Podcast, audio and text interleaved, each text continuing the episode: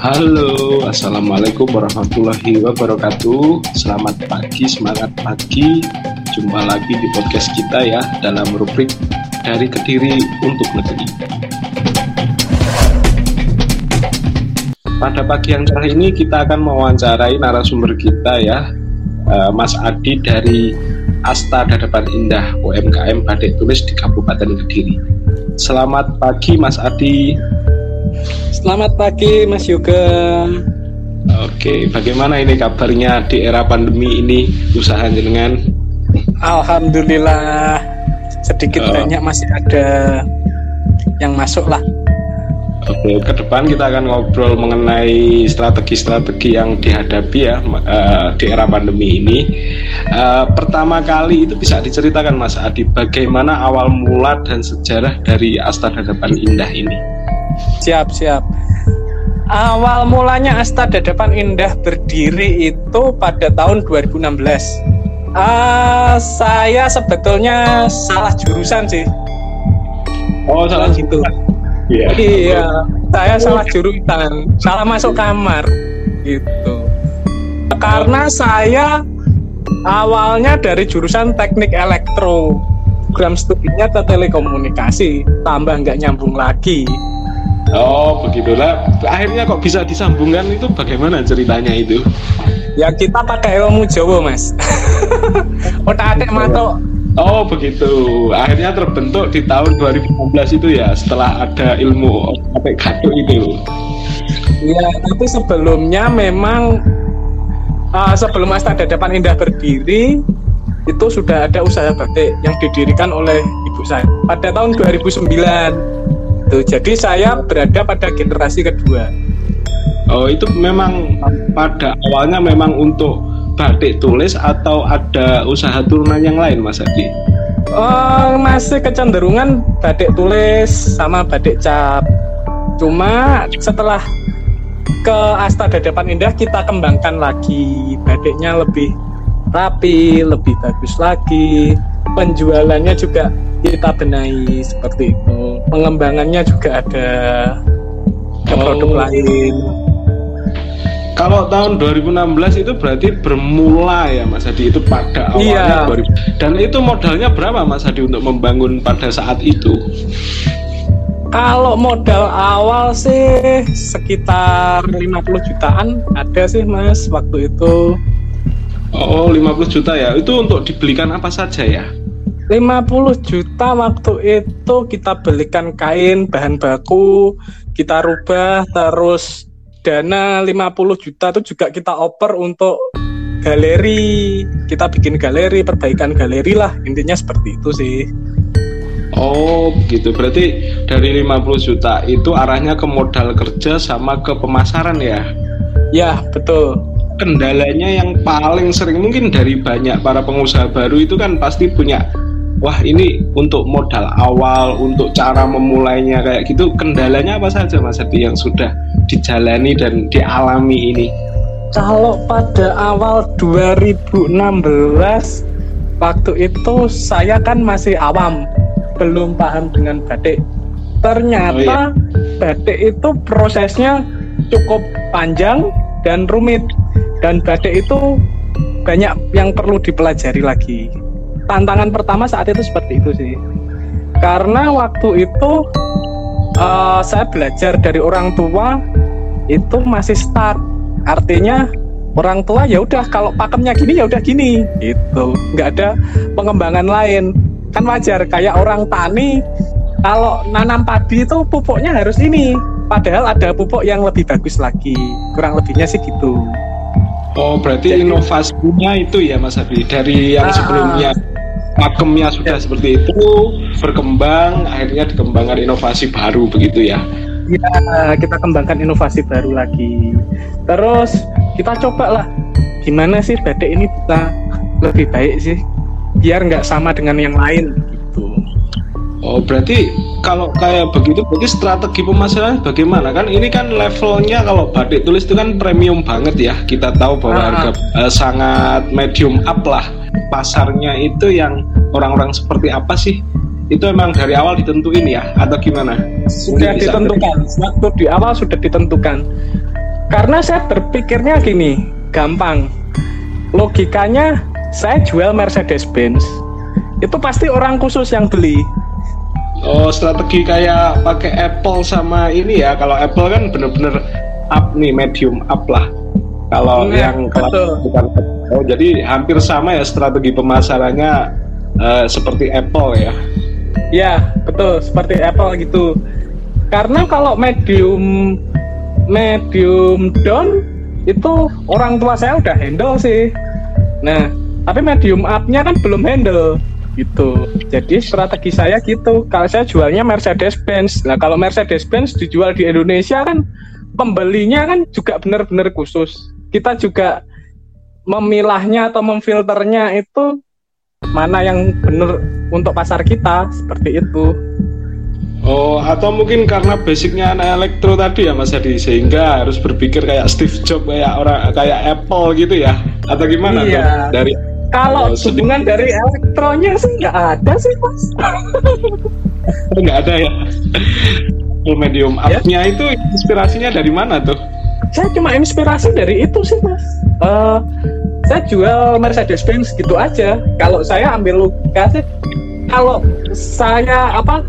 Kenapa saya capek-capek kerja? Jual Avanza 10 aja sulit.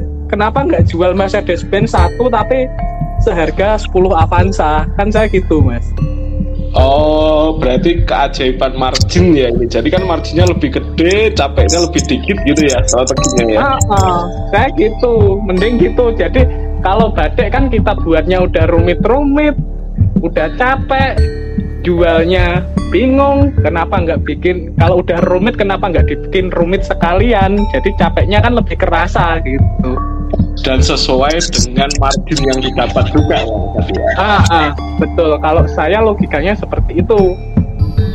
Uh, di era pandemi seperti ini perilaku konsumen tentunya banyak berubah nih Mas Adi dari yang sebelumnya bisa mengandalkan dengan tatap muka di pameran hari ini banyak UMKM yang tidak bisa menggelar pameran nah, ini strateginya gimana nih Mas Adi menghadapi perilaku konsumen yang berubah di era pandemi seperti ini? Kalau strategi pemasaran saat ini kita ya yang pertama memang customer-customer lama kita yang kita tembak kan tetap kita tembak. Cuma dengan uh, apa ya jalur khusus gitulah intinya.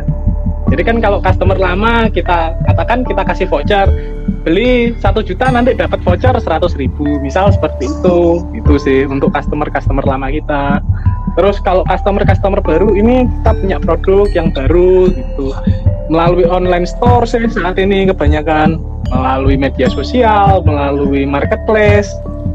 Kita tidak bisa menutupi pasar paling kuatnya ya offline store melalui pameran.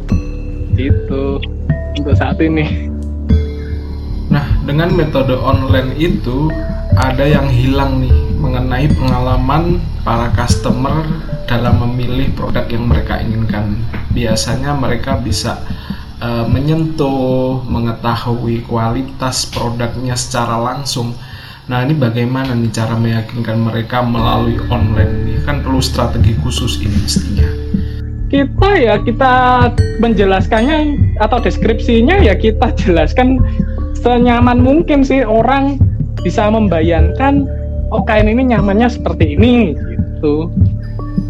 Nah, kalau omset sendiri Mas Adi pada saat pandemi sebelum dan sesudah uh, perbedaannya seperti apa sih?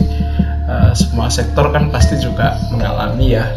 Jadi bisa diceritakan sebelum dan sesudah era pandemi ini omsetnya bagaimana?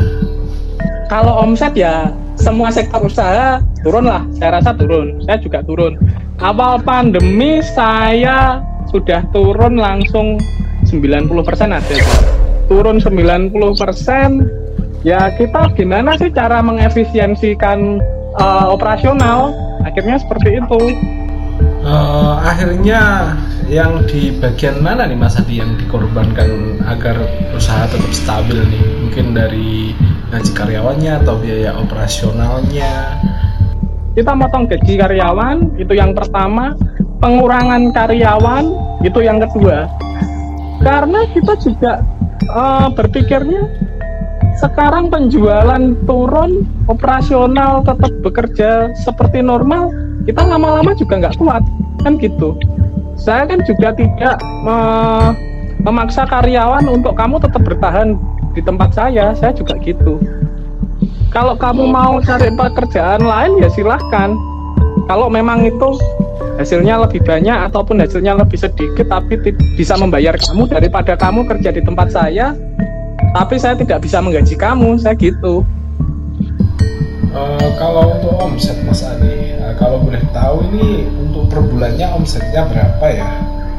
Kalau saat ini 35 jutaan sih omsetnya rata-rata segitu 35 kalau sebelum uh, pandemi seperti ini sih bisa 50 atau 60 juta juga bisa. Yang paling minim 35 lah waktu itu.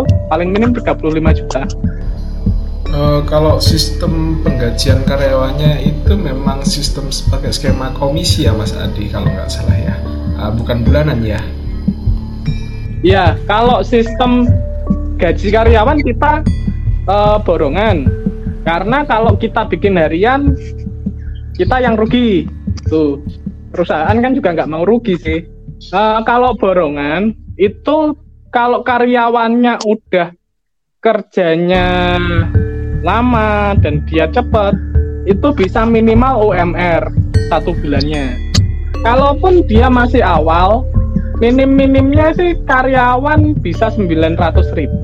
Kalau 900 ribu kan untuk ukuran ibu rumah tangga kan udah dapur bisa ngepul. Jumlahnya berapa ya sekarang? yang untuk karyawan dari ibu rumah tangga itu? Saat ini karyawannya 10 orang sih. Saat ini sebelum pandemi memang banyak karyawannya. Tapi karena kita juga efisiensi sih, masalahnya butuh efisiensi operasional juga. Kita pengurangan ya. juga ada 50%, tapi tetap sekarang ya kerjanya bisa lima tetap bisa nutup yang 50% itu. Oh, gitu. Siap, siap. Jadi para ibu-ibu ini memang memanfaatkan waktu luang mereka ya, bukan pekerjaan utama gitu ya. Dijadikan pekerjaan utama bisa, dijadikan sampingan bisa, tapi dominan memang dibuat sampingan kalau tadi. Kalau dijadikan pekerjaan utama itu saat kita dapat pesanan banyak sih untuk yang middle low-nya kita uh, itu jadikan pekerjaan utama. Karena ada yang satu hari itu bisa dapat 200 ribu kalau waktu dapat pesanan. Itu expert ya itu ya? Ya yang sudah 10 tahun.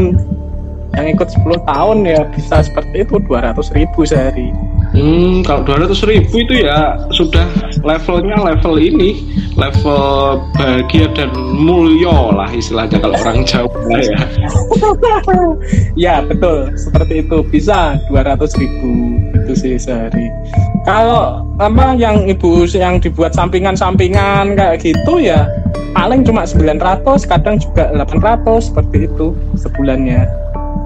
Hmm, jadi harapannya ini nanti ke depan apakah akan bertambah, optimis bertambah atau gimana Mas Hadi perkiraan? Kalau untuk ke depan sih saya berpikirnya untuk karyawan tetap saya nggak nambah, saya nggak nambah dulu karyawan nggak kita tambah sih. Cuma kita perbaikan pada produksi kain-kainnya kita buat yang lebih bagus lagi, terus juga kita bikin uh, yang kira-kira middle low yang gimana sih yang mereka suka saat ini sih gitu. Oh, tapi tetap tadi ya apa semboyannya adalah jual Mercedes Benz kayak gitu ya? Iya, kalau saya semboyannya memang gitu, jual Mercedes Benz. Tapi kalau saat ini era pandemi ini saya jualnya tidak Mercedes Benz, akhirnya Avanza juga saya jual juga sekarang. iya iya, realistis itu.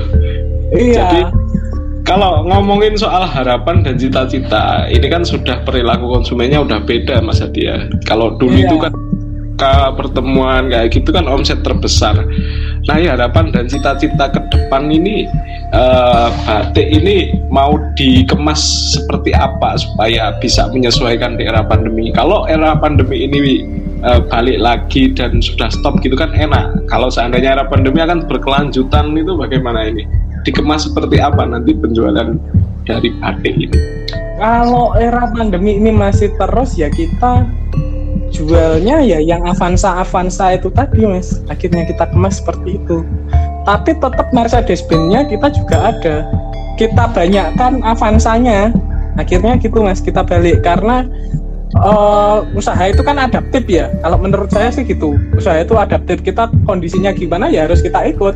Kan gitu Oh iya ya lebih ke arah realistis yang penting cash flow-nya iya. bisa karena cash flow kan aktif ya dalam sebuah uh, usaha. Betul. Okay. Kalau saya gitu.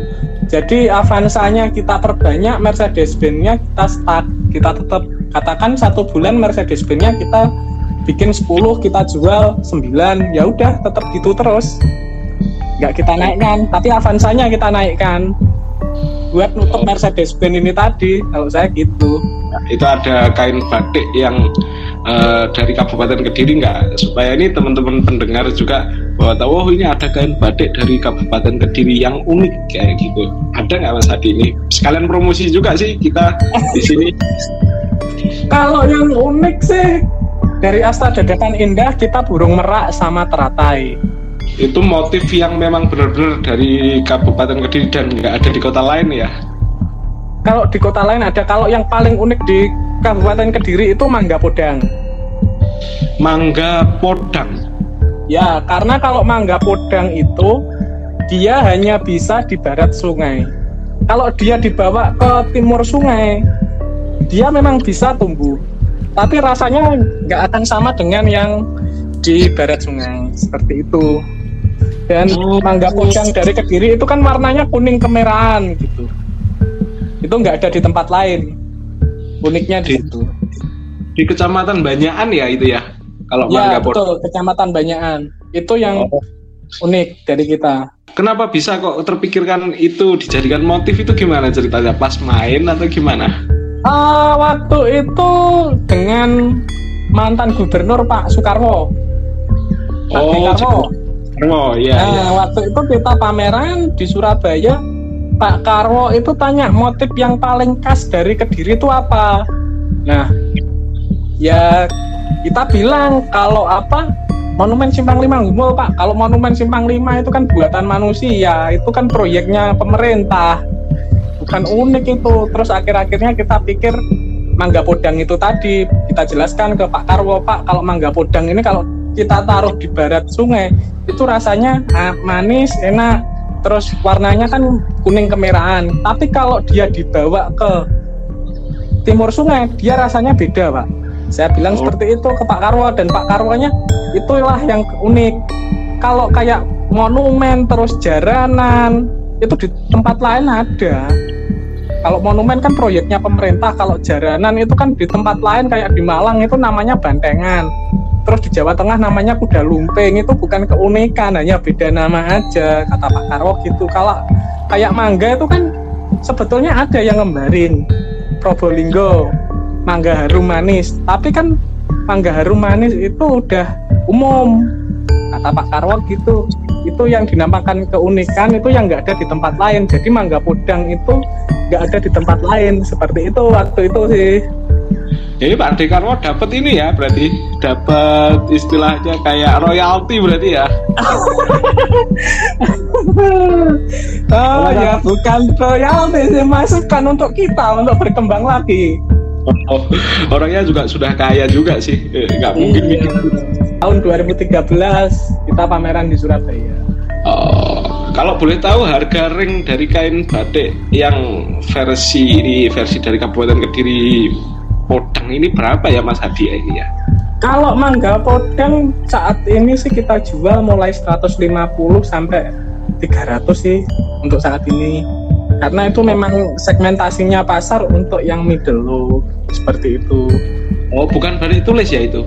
Tetap batik tulis. Tulis. tulis. Oh, batik sangat terjangkau berarti harganya ya. Ya, karena kita sudah menyesuaikan juga bahannya, obatnya, proses pembuatannya juga kita sesuaikan. Masa oh. sekarang kita bikin harga 100 ribu produksinya satu juta kan nggak mungkin juga. Kalau harga yang apa Mercedes Benz tadi kain batiknya itu ring berapa Mas Adi harganya? Kalau untuk yang Mercedes Benz seperti itu kita jual mulai satu setengah juta sampai tujuh setengah untuk saat ini kita paling tinggi tujuh setengah oh yang tujuh setengah ini motif apa ini mas Hadi? Kita pakai motif merak. Oh motif merak tadi ya. Memang ya, merak. Ya ya. Berapa bulan itu prosesnya? Minim minim enam bulan tujuh bulan. Satu kain. Baru selesai itu? Baru selesai. Dan orangnya yang benar-benar expert ya itu nggak sembarangan orang ya yang bikin ya? Nggak sembarang orang yang handle. Karena uh, pengerjaannya itu satu hari cuma dua jam sampai tiga jam. Di atas itu udah nggak kuat. Oh begitu oh iya. Karena ya. memang ini rumit ya? Rumit uh, kekuatan mata yang nggak bisa. Hmm. Ini sangat menarik sekali ya soal batik ini. Kenapa batik itu banyak orang yang salah sangka juga ini Mas Hadi buat edukasi juga bahwa batik itu sebenarnya yang dijadikan uh, apa kayak royaltinya yang di UNESCO. Itu kalau nggak salah cara pembuatannya ya, bukan motifnya. Ya. Kalau UNESCO kalau UNESCO cara pembuatannya. Secara garis besarnya dari UNESCO kan batik yang bener asli itu kan yang menggunakan lilin panas. Seperti itu secara garis besar dari UNESCO-nya. Oh, berarti kalau yang sekarang murah-murah pakai printing itu sebenarnya bukan ini bukan batik tulis ya sebenarnya ya? Bukan. Kalau uh, printing itu kan secara garis besarnya kan dia kain tekstil yang diserupakan dengan batik. Itu. Oh, begitu. Berarti itu pun nggak nggak bisa disebut batik tulis ya? nggak bisa nggak bisa printing printing sendiri makanya bisa harganya bisa murah ya. Bisa murah betul. Kalau harapan dan cita-cita naik ke depan ini gimana Mas Adi? Apakah nanti akan menjadi uh, batik tulis terbaik atau gimana? Itu milestone-nya apa ini untuk ke depan? Pengennya kalau seperti apa? ke depan saya pengen batiknya ini menjadi pionir di Kabupaten Kediri. Itu yang pertama. Pionirnya batik lah. Saya gitu. Pengennya. Terus yang kedua saya pengen batik ini menjadi legenda legendaris itulah batiknya legendaris di Kabupaten Kediri. Kayak batik OST Osucun yang ada di Pekalongan itu kan sejak tahun 1925 dan sekarang kan udah di handle generasi ketiga gitu. Yang di batik Osucun OST itu itu batiknya kolektor-kolektor. Saya pengennya legendaris kayak gitu. Itu yang kedua. Yang ketiganya pengen go internasional juga. Menarik sekali ya ada pemuda yang bisa meneruskan apa produk dari kebudayaan itu. Soalnya jarang nih sekarang hari ini orang-orang yang mengejar target market dari produk-produk kebudayaan. Punya Tapi tanggung jawab ini ya tanggung jawab moral terhadap apa gitu mengembangkan atau gimana kok? Oh, oh. Nah, mengembangkan sih. Kalau saya cenderung mengembangkan. Kalau kita terusin bisa satu jam lebih nih Mas Hadi. Ya, jadi kan seenggaknya banyak sih apa eh, nilai-nilai tentang pembuatan badik ini yang bisa diambil oleh para pendengar sehingga nanti ke depannya biar tahu nih bisnis proses badik itu seperti apa karena banyak yang salah salah paham juga bahwa batik itu bukan cara pembuatannya tapi motifnya sehingga banyak orang yang istilahnya kecilik kalau bahasa Jawa. Nah Betul. ini biar biar jadi edukasi juga. Kenapa kok harga batik tulis harganya mahal ya? Karena cara pembuatannya tadi itu yang dinilai oleh UNESCO sebagai uh, produk yang berkualitas dan produk yang mempunyai nilai tinggi gitu ya Mas Adi ya. Iya betul Mas, seperti itu kita akhiri ya Mas Hadi karena mungkin di lain pertemuan kita bisa membahas tentang keunikan batik dari sejarahnya bagaimana sehingga para pendengar juga teredukasi dengan baik dan semoga sukses dan terkabul apa yang menjadi keinginan tadi. Mungkin cukup sekian podcast dari kami. Terima kasih atas waktunya Mas Adi. Assalamualaikum warahmatullahi wabarakatuh. Sama-sama Mas Yoga. Waalaikumsalam warahmatullahi wabarakatuh dari Kediri untuk negeri